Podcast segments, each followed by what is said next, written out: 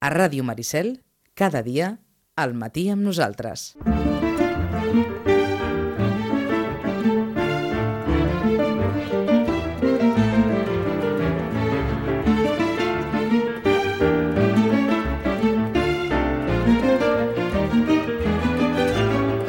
Un quart de dotze. Bé, us deien ahir mmm, que Joan Duran i Ferrer ha guanyat el Premi Miquel Àngel Riera de Poesia 2009. Ben aviat eh, trobarem editades les poesies de Natural Delit, l'obra de Joan Duran i Ferrer, que, com us dèiem, ha guanyat el Premi Miquel Àngel Riera de Poesia 2009. Fa dies fèiem referència al premi, en aquest cas, en la nit de Santa Llúcia, el Premi Mercè Rodoreda de Contes també per una sitgetana d'adopció, la Mònica Escostabà, que ho va aconseguir a través d'una sèrie d'històries relacionades amb la part més diguem-ne, més amargant de, de Praga, entre altres, perquè el recull d'històries en porta de més, de més felices. I fa quatre dies, la nit de Reis, l'edició d'enguany del Premi Josep Pla i del Premi Nadal, amb dues obres prou diferents. El Premi Josep Pla per Llúcia Ramis, periodista del diari El Mundo, amb una obra que, que es fica dins, diguem-ne, eh, aquell parany que a vegades les noves tecnologies poden aportar i sobretot les xarxes socials, aquella necessitat obsessiva que tenen molts de veure el seu nom ficat en multitud de, de pàgines i multitud de blogs. Ego Surfing és la història de Llúcia Ramis i el Premi Nadal, una història també prou embolicada amb el món de, dels nazis de, de rerefons, Lo que esconde tu nombre, novel·la de Clara Sánchez, guanyadora del Premi Nadal 2010. Ben aviat, per tant, aquestes dues obres seran protagonistes a les estanteries de les llibreries. Saludem aquest eh, 2010 amb Rosana Lluc. Rosana, bon dia, bona hora, bon any. Hola, bon dia. Eh, S'ha encetat l'any amb dos premis ja per començar? Encetat l'any amb dos premis i sí, eh, la veritat és que, a més a més, són premis que, que dius, bueno, mm, com a mínim sembla que tinguin molt de ressò perquè la gent ja ha començat a demanar els premis, malgrat Vaja. que se sap que fins al febrer no estaran a les llibreries, Mm -hmm. menys. O sigui, fins al mes de febrer no es podrà trobar tant el llibre de Llucia Ramis com el llibre de Clara Sánchez? Sí, sí, sí, D'acord. perquè són, clar, els havien de- d'editar i els primers dies de febrer suposo que ja estaran aquí. Eh? Mm. Però clar, Eh, en, en sabem alguna cosa de, de totes dues? Em sembla que de Clara Sánchez sí. Sí, la Llucia Ramis també va fer un llibre que em sembla que deia què es pot fer als 30 anys a Barcelona o Mhm. saps, una cosa així, Sí. que va tindre un cert èxit. La veritat és que les coses, saps, allò que suposo que també per, eh, per edat, per afinitat, doncs molta gent va venir a buscar el, el llibre, no? Mm -hmm. O sigui, Coses no, que- no estem parlant de dues autores novelles, eh? No, no, no, No. no, no, no, no, no, a més a més, la Clara Sánchez, si no m'equivoco, va fer, va ser un premi al Faguara també una vegada, Mm -hmm. o sigui que sí, són autores que ja han publicat, són autores ja... Uh, sobretot la, la Clara Sánchez potser més que la Llucia Ramis. La Llucia ha tingut una d'això més periodística, diguem-ne, no? Però vaja, mm, D'acord, o sigui que mm, ben aviat els trobaran a les llibreries, però ja hi ha hagut interès sí, per, per als llibres, eh? sí, sí, per, per, per tots dos. Sí. D'acord. És, és curiós i Mhm. també, sí. D'acord? Doncs tant pel Premi Josep Pla, Llucia Ramis per aquest Ego Surfing i pel Premi Nadal, Clara Sánchez, amb Lo que esconde tu nombre. I des del punt de vista del, del balanç d'aquest eh, Nadal, d'aquestes festes, Nadal, Reis, allò que més interessat? Uh, allò que més interessat, si ho hem de fer per, la, per les vendes, evidentment seria el símbol perdut. Eh? D'acord, Uh, o sigui, Dan Brown. Dan Brown. Dan Brown ha interessat, i ha interessat moltíssim la Stephanie Meyer. Uh, la diferència, doncs la diferència ha sigut que no ha sigut un títol, no? sinó que com que hi havia gent que doncs, havia anat a veure la pel·lícula Luna Nueva, ha continuat a partir d'allà, molts d'altres han preferit començar la saga, eh, hi ha hagut aquell una altra vegada Ramon Bori i Stephanie Meyer, no? per un tipus de públic també. El que passa és que si abans eh, només s'hi enganxaven els joves, ara doncs, hi ha un públic més adult que també s'enganxa als llibres, eh? aquest tipus de, de llibres. D'acord. Estranyament no apareix Stephanie Meyer a la llista de llibres més venuts. No, Mm. suposo perquè s'ha donat prioritat en tots aquells que són més novetats Ah, i en canvi no amb ella. El que passa és que, clar, la diferència, la diferència és, és això que et deia, no, no ha sigut només l'Eclipse, per exemple, que és el que va després de l'Una Nueva, sí. o l'Amanecer, que seria l'últim, perquè ha sigut una mica, doncs, mm, molts d'aquests, molts d'aquells, molts d'aquells, però clar, um, quan es fa, almenys quan ens ho demanen a nosaltres els diaris, el que fem és única i exclusivament les novetats. Els més venuts, però de novetat. Clar, quan han passat ja tants mesos, perquè els llibres de Stephanie Meyer ja fa molts mesos que, Mhm. que han aparegut i de fet ja, ja fa un any. Per tant, novetat no ho són, malgrat que són llibres que es venen molt. Doncs fem un repàs a la llista perquè hi ha, hi ha alguns canvis in, interessants.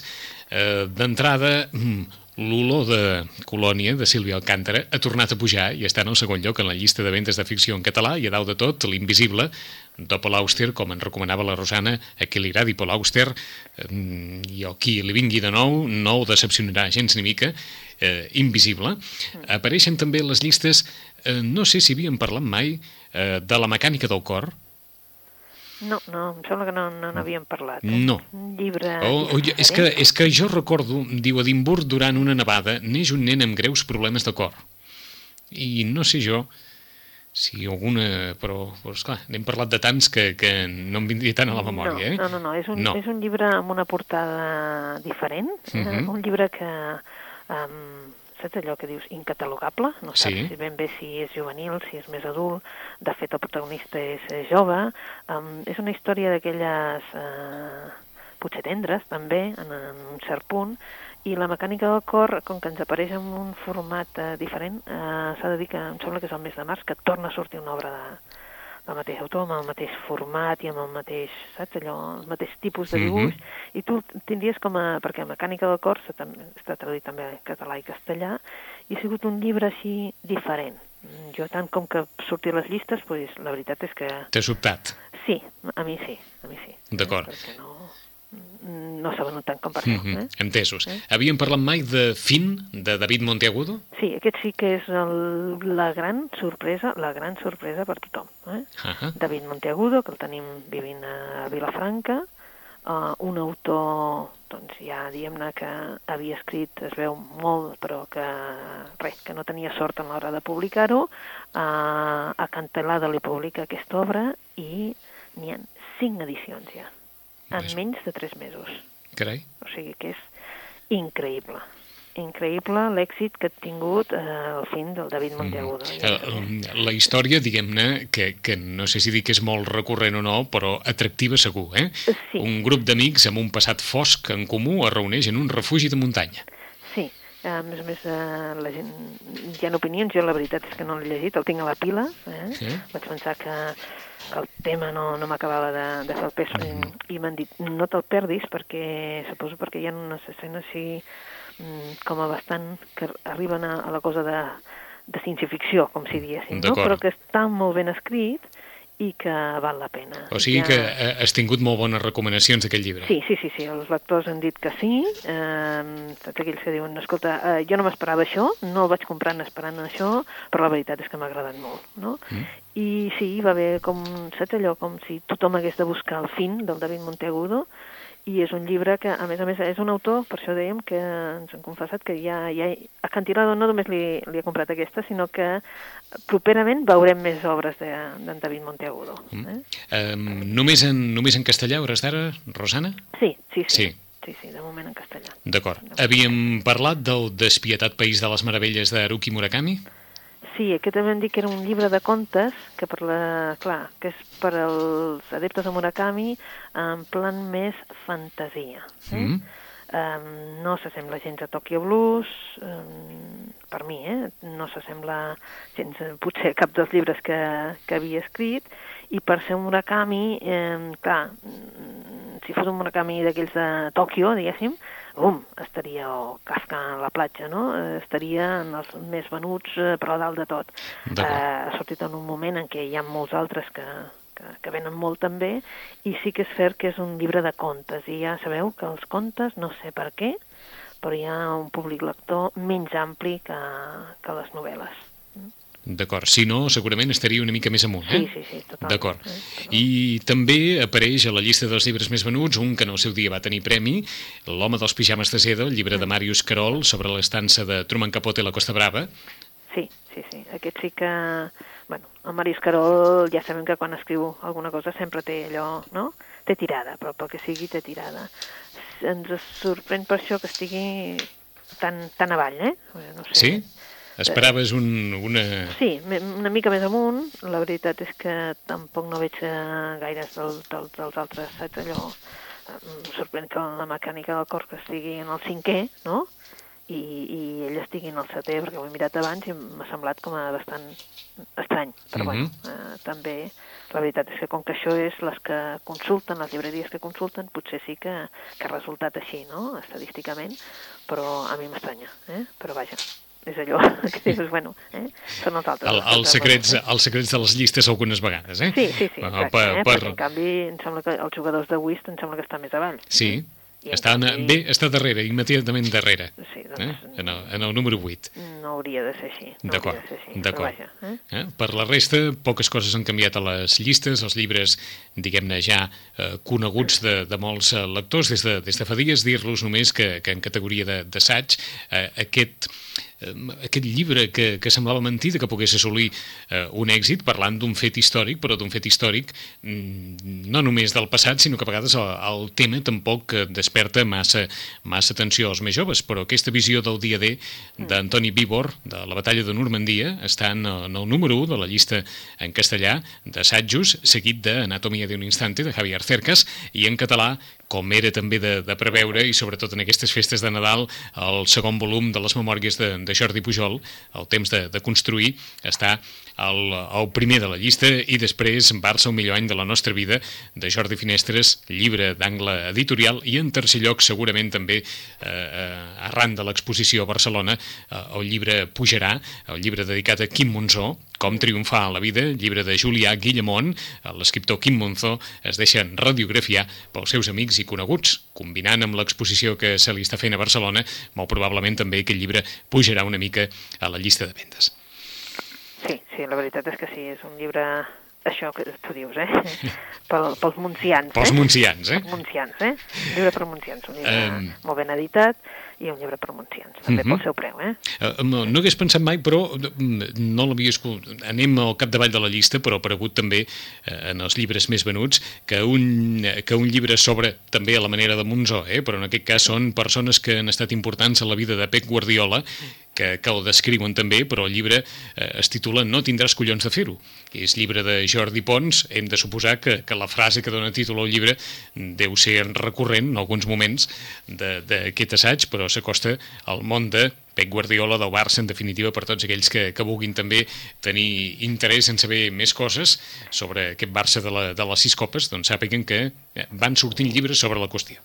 Bueno, no sé si, si, si tindrem prou taula per tots els que van Per tots els que van sortint, eh? Perquè pensa que ara aquests dies de, de Nadal hi havia tot un tros de taula que tot era Barça, eh? I era novetat, o sigui, no de llibres que ja haguessin sortit, sinó el paraula de Pep, mm. no tindràs collons de fer-ho, el Barça de sis copes, un còmic sobre el Barça, el llibre de l'Iniesta, mm, vull dir, e- e- era tot un tros de taula que deies, bueno, déu-n'hi-do, eh? Mm -hmm. Han anat eh, sortint els llibres? Eh, molt, Molt. molt. Pensa que el que apareix en la segona, el del Jordi Finestres, el Barça, el millor any de la nostra vida, Sí. era un esbrallar-se. O sigui, tu dius, a veure, és un llibre que val 39 euros, és un llibre de preu, És un, llibre que, tant, és un llibre que val 39, euros, eh? Sí. Uh, és un llibre de, de preu. Per Sí, tant, sí. home, uh, no esperàvem ningú que es vengués absolutament tant. I s'ha vengut molt. O sigui, el llibre està exauridíssim. Exauridíssim, o sigui, no D'acord. n'hi havia. O sigui, qui busqui Barça el millor any de la nostra vida s'haurà d'esperar perquè el llibre està exaurit. El llibre està exaurit, l'editor no en té des de fa bastant. Vull dir que va fer una reedició just abans de Nadal, però allò corrent, corrent, no sé si va sortir el dia 17 o 18, eh, que va ser l'última, eh? i bueno, ara l'has de trobar amb algú, o esperar a veure si, el, si hi ha punts de Catalunya que no s'ha venut i el tornen cap a la distribuïdora, la distribuïdora el pot tornar cap a les llibreries, però aquest llibre és, bueno, allò, saps? Mhm. I tu dius, home, uh, no? Uh, sorprèn, no? Sí, sí, Sorprèn, sí. Però bueno, clar, també és una època de regals, una època en la que, doncs, en que és molt del Barça i en canvi dius, bueno, doncs mira, com que sé que estan del Barça, sé que li farà il·lusió. I ha sigut increïble. Ara, el tros de taula dedicat amb el Barça, també. D'acord. Caldrà veure si aquest Sant Jordi ha redit el llibre de Sandro Rossell, i més tenint en compte que és any electoral, que, que arriba de candidat, o sigui que és molt probable que alguna que altra reedició també aparegui per aquest Sant Jordi. Podria ser. Podria ser, és eh? Sí atenuen, però sé que hi ha un partit ara que és decisiu, oi? Mm?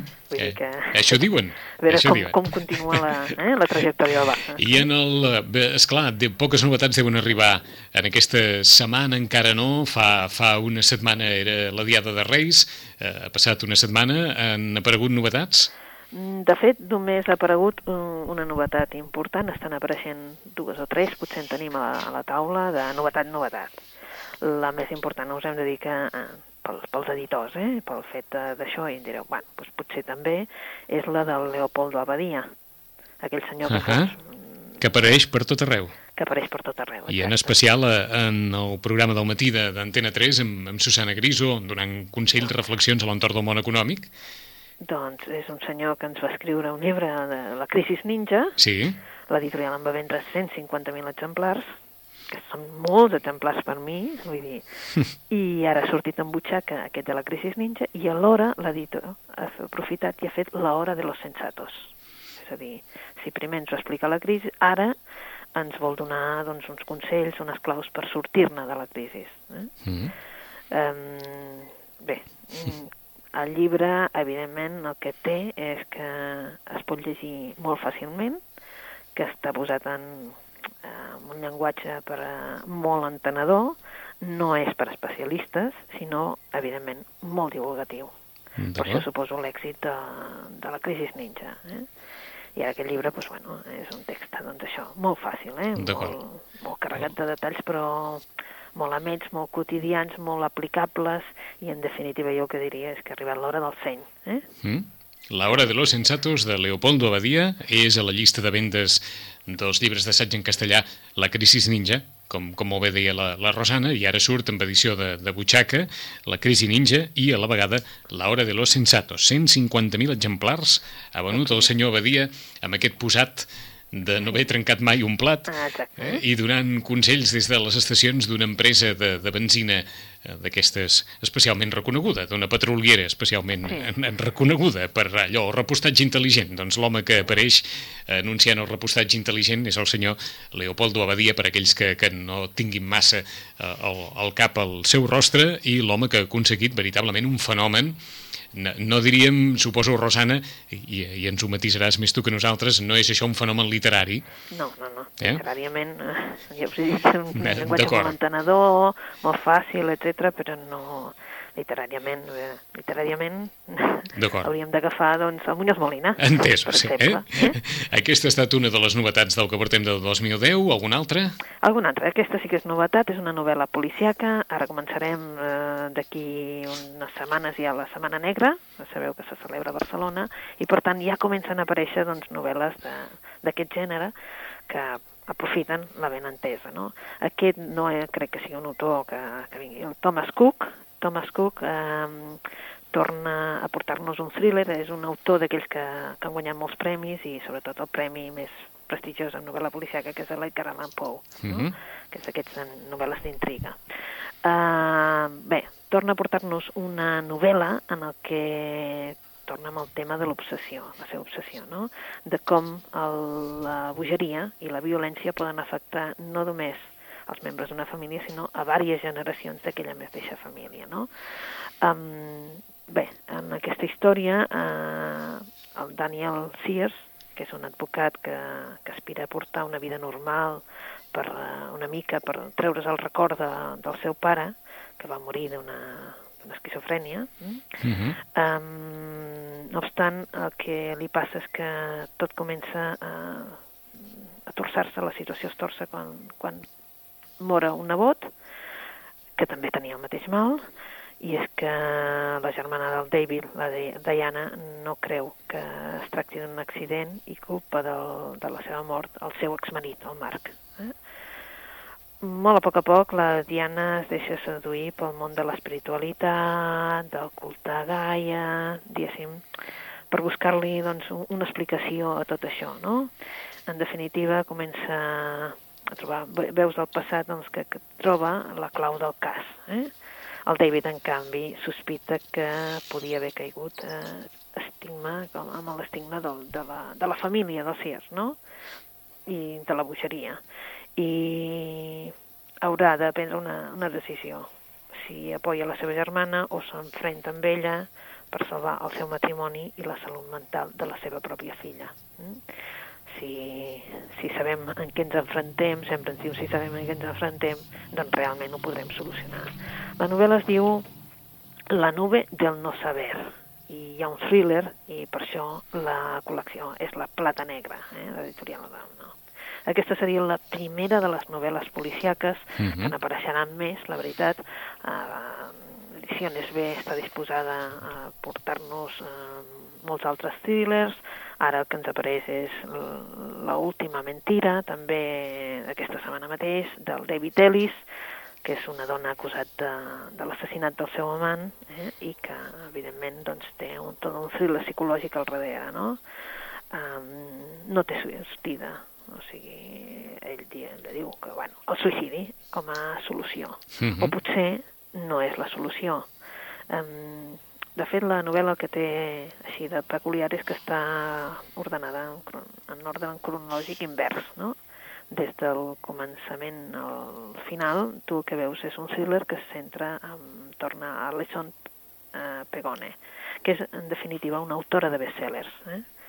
La primera pàgina imatge de l'escriptora és el moment immediat a la seva mort. I a partir d'aquí, la història va cap enrere en el temps. Eh? Uh -huh. O sigui, llavors, un, un plantejament uh, molt cinematogràfic, com si fos un flashback, això. Exacte, saps? I llavors -huh. és com si anessis uh, tirant enrere, una hora uh -huh. abans, després un dia, després un mes, fins que arribem realment al començament de la història i descriurem realment el que va passar i el que no va passar. Eh?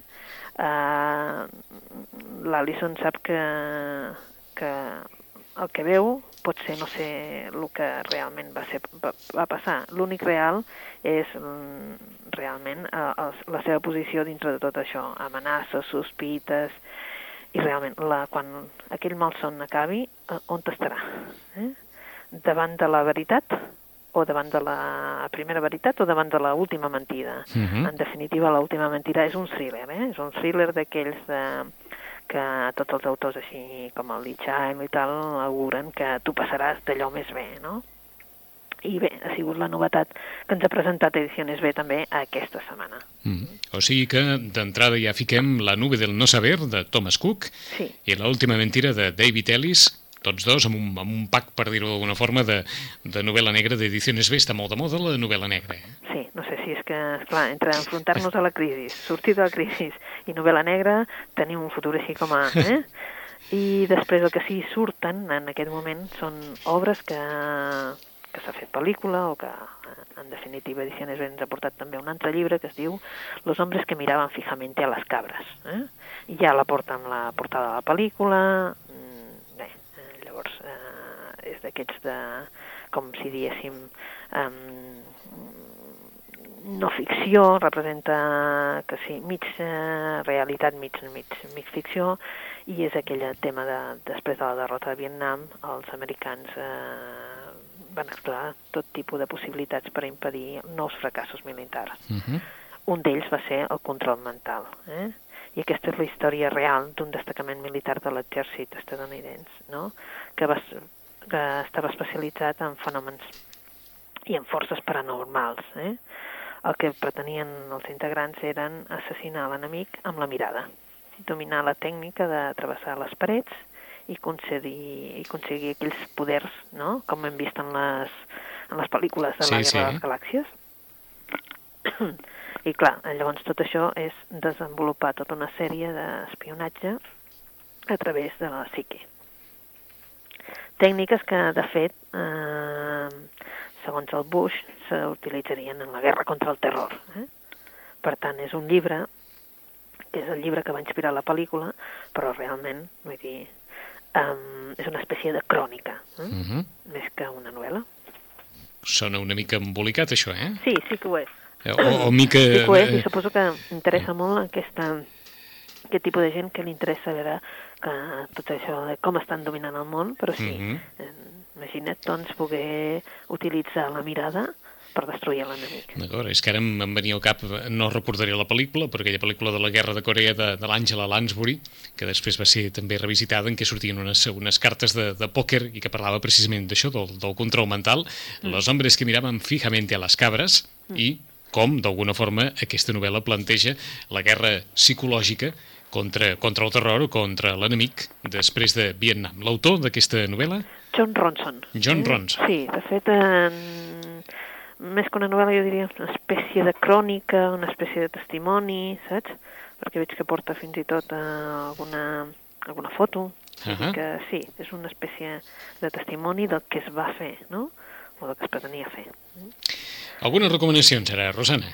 Una recomanació per als que, per als que encara no ho han llegit. Eh? Contigo, de l'Àngel Gabilondo.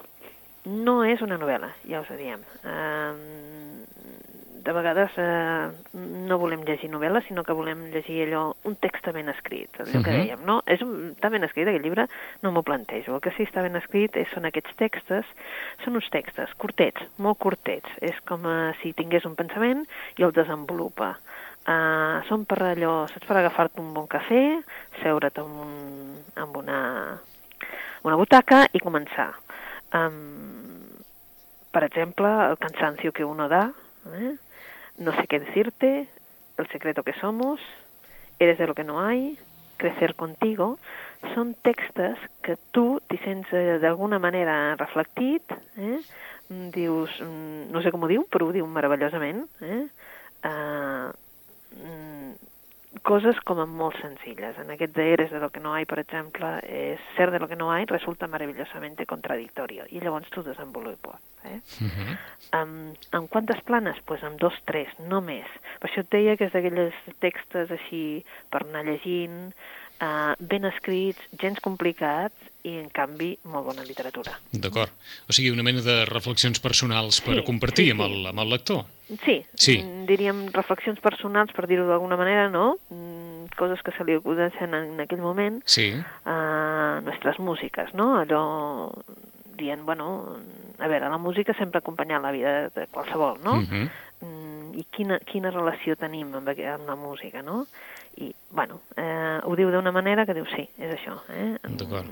O sigui, no, no es tracta tant com si fos un, un article de, de premsa... Sí, es sí? tracta com si fos un article, però molt curtet, potser ni tant, vull dir, apel·lant només a, a, veure, a llegir-ho, mhm. -huh. això, no? Contigo. És que m'ha fet gràcia quan eh, has fet referència a aquesta expressió tan catalana com castellana, ets el que no hi ha, sí. i, i que hi hagi una reflexió sobre aquesta expressió. Eh? Sí, sí, ets, sí, ets sí. el que no hi ha.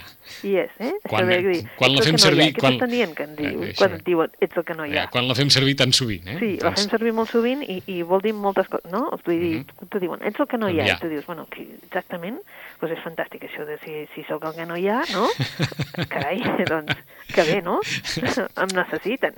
Eh? Bé, doncs que qui vulgui eh, això, aprofundir en algunes reflexions a l'entorn, bé, de, de qüestions que molt probablement eh, eh, poden eh, establir-se una certa empatia amb qui les escrites, Ángel Gabilondo, Contigo, no és una novel·la, com diu la Rosana, textos curts, pensaments desenvolupats, però escrits amb una qualitat excel·lent. Més coses.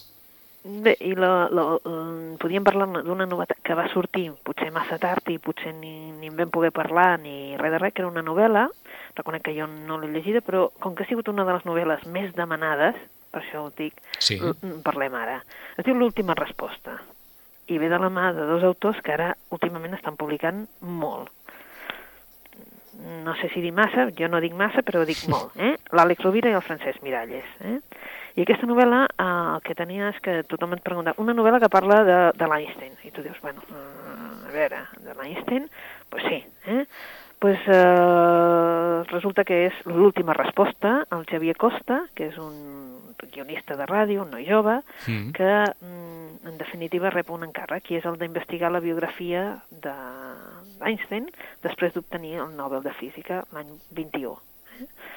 I aquesta etapa aparentment estèril del geni, que en què els 35 anys següents no va divulgar cap nou descobriment, amaga per això un secret formidable, una fórmula misteriosa que és capaç d'alliberar l'energia més pura i poderosa de l'univers. Eh? I llavors és una mica si va ocultar l'Albert Einstein una fórmula capaç de canviar el destí de les persones? En definitiva, aquí, clar, si només tinguéssim un protagonista, que és el Javier Costa, la novel·la potser quedaria una mica coixa i llavors ens ho acompanyen amb, la, amb una noia, la Sara. La Sara és una biògrafa de la família Einstein i així tots els protagonistes recorreran els racons així, doncs, més íntims de la vida del científic, des de una idília cadaqués, on el físic va passar unes vacances de joventut, fins a Suïssa, passant per Sèrbia, pels Estats Units. Uh, amb el temps, la recerca d'aquesta última resposta es convertirà en un viatge interior cap a, cap a allò més profund d'un mateix. Eh? Um, el que han fet l'Àlex Rovira i els Francesc Miralles amb aquesta novel·la, a part de, de parlar-nos de l'Albert Einstein, és també encetar una mica doncs, un, un, parlar d'una figura en concret i parlar-ho en català. Ser un, una espècie de thriller, no? -hmm però sense morts pel mig, ni molt menys, sinó un thriller amb un de caire més humanista, diuen ells. D'acord, però pel, pel que ens... De fet, ha tingut resposta, vull dir, la gent li ha agradat, la, o com a mínim ha vingut a comprar l'última resposta i en aquells dies de, de Reis tothom parlava d'això. D'acord. que els mitjans de comunicació també mm -hmm. hi han mhm. tingut a veure. I, I per què creus que ha passat això, Rosana? Suposo per als mitjans de comunicació, eh? I també és cert que, a veure, uh, l'Einstein és un personatge que tots ens té com a molt intrigat, no? Va ser un personatge així com a... Va crear mm -hmm. una fórmula, déu nhi de lo que es va penedir, etc etc i dius, bueno, què hi ha darrere de la seva vida, no? Ha sigut sempre com un personatge que tothom l'hem tingut així com a una mica mític. D'acord. Si això ho publiquen dos autors que més o menys eh, la gent ara ja els comença a conèixer molt, doncs eh, suposo que per això aquesta novel·la ha tingut resposta. D'acord, ha creat aquesta expectació, sí, no? Sí, aquesta expectativa, no? Aquesta expectativa de saber què deien sobre l'Einstein. Uh -huh. no? Doncs si algun dia troben Oppenheimer o sortirà una novel·la també que... Ah, que, que déu nhi eh? L'última resposta d'Àlex Rovira i Francesc Miralles i tenim el temps just per una recomanació més. Per una recomanació més. Bueno, doncs eh, així eh, anem per una autora, eh? Que a mi m'agrada, que és la Lorri Moore, que es diu, eh, l'obra que ha escrit es diu A peu d'escala, a peu de l'escala, o també en castellà a Pie de l'escalera. En català la publica 62 i en castellà, de fet, la publicada Sex Barral, perquè és qui publica aquesta autora. Uh -huh. En definitiva, és una de... diuen que és una de les novel·les de l'any, no?, però això ho van publicar Aquí està passant sense pena ni glòria, eh? I la veritat és que la Lorri Moore el que té és una capacitat d'observació, eh, una capacitat tan intensa que la veritat és que arriba un moment que dius, bueno, és com si se, les, les coses eh, les veies d'una manera amb tanta violència que les esquerda, no? Um, estem als Estats Units, eh, hi ha una guerra a l'Orient Mitjà, i la Tessie, que és una noia de 20 anys, que és filla de grangers, es trasllada a la ciutat eh, de Troy, eh, una ciutat universitària. Això estem ara mig oest, eh, americà, i per pagar-se els estudis, evidentment, ha de començar a treballar. Comença a treballar de cangur. Fa de cangur d'una nena afroamericana adoptada per una parella, per una parella d'aquelles amb, amb molt de glamour, una parella sofisticada i que, evidentment, té cert misteri al darrere. Eh? I a mesura que ella va avançant en el seu curs universitari, la tesi Tassi s'endinsa també en el dia a dia d'aquesta família que amb ella li resulta tan atractiva. Eh? La seva relació, evidentment, amb la nena s'estreny fins a convertir-la en una cosa molt intensa. Eh? S'agafen molt mútuament, no? La vida, però, eh, li comença a revelar certes coses desagradables, eh, sorpreses que ella no s'esperava, i uns quants secrets, uns secrets inevitables. En només un any, la Tassi haurà après unes lliçons de la vida que va perseguir endavant. Eh? Uh mhm. -huh. És una és una prosa com a molt atractiva, molt afectiva, i a peu de l'escala eh, és una novel·la d'aquelles intel·ligents, però que, bé, el que ataca més és la hipocresia de la societat. Saps? És una dissecció de com som, una dissecció de la condició humana, però és que la Lori Moore, en totes les seves novel·les, està decidida a això, uh -huh. a mhm. demostrar-nos com som, i som, i com actuem. Doncs fem un repàs als llibres d'avui, fent, fent un resum. Començaríem. Qui no l'hagi llegit, diuen que és un llibre esplèndid, Fin, de David Monteagudo, aquesta història de cinc persones en un passat que es troben en un refugi de muntanya. A qui li agradi la novel·la negra, té de Thomas Cook, La nube del no saber, i de David Ellis, La última mentira. De John Ronson també us pot interessar. És entre novel·la i assaig Los hombres que miraven fijamente a les cabres sobre la guerra psicològica de, dels americans contra el terror d'Àngel Gabilondo, textos curts, pensaments desenvolupats, esplèndidament escrits, Contigo, no és una novel·la, però els pot interessar. De Àlex Rovira i Francesc Miralles, aquesta història a la vora de la figura d'Einstein, titulada L'última resposta, i finalment de Lorry Moore, a peu de l'escala, història també on es fica el dit a la nafra de la condició humana. Es pot trobar en català i en castellà. 10 minuts i seran les 12, en 15 dies i tornem, com no, amb Rosana Lluc i el nostre habitual temps dels llibres. Rosana, fins aquí 15 dies. Fins aquí 15 dies, aquí amb vosaltres. Gràcies, adeu-siau. Adéu.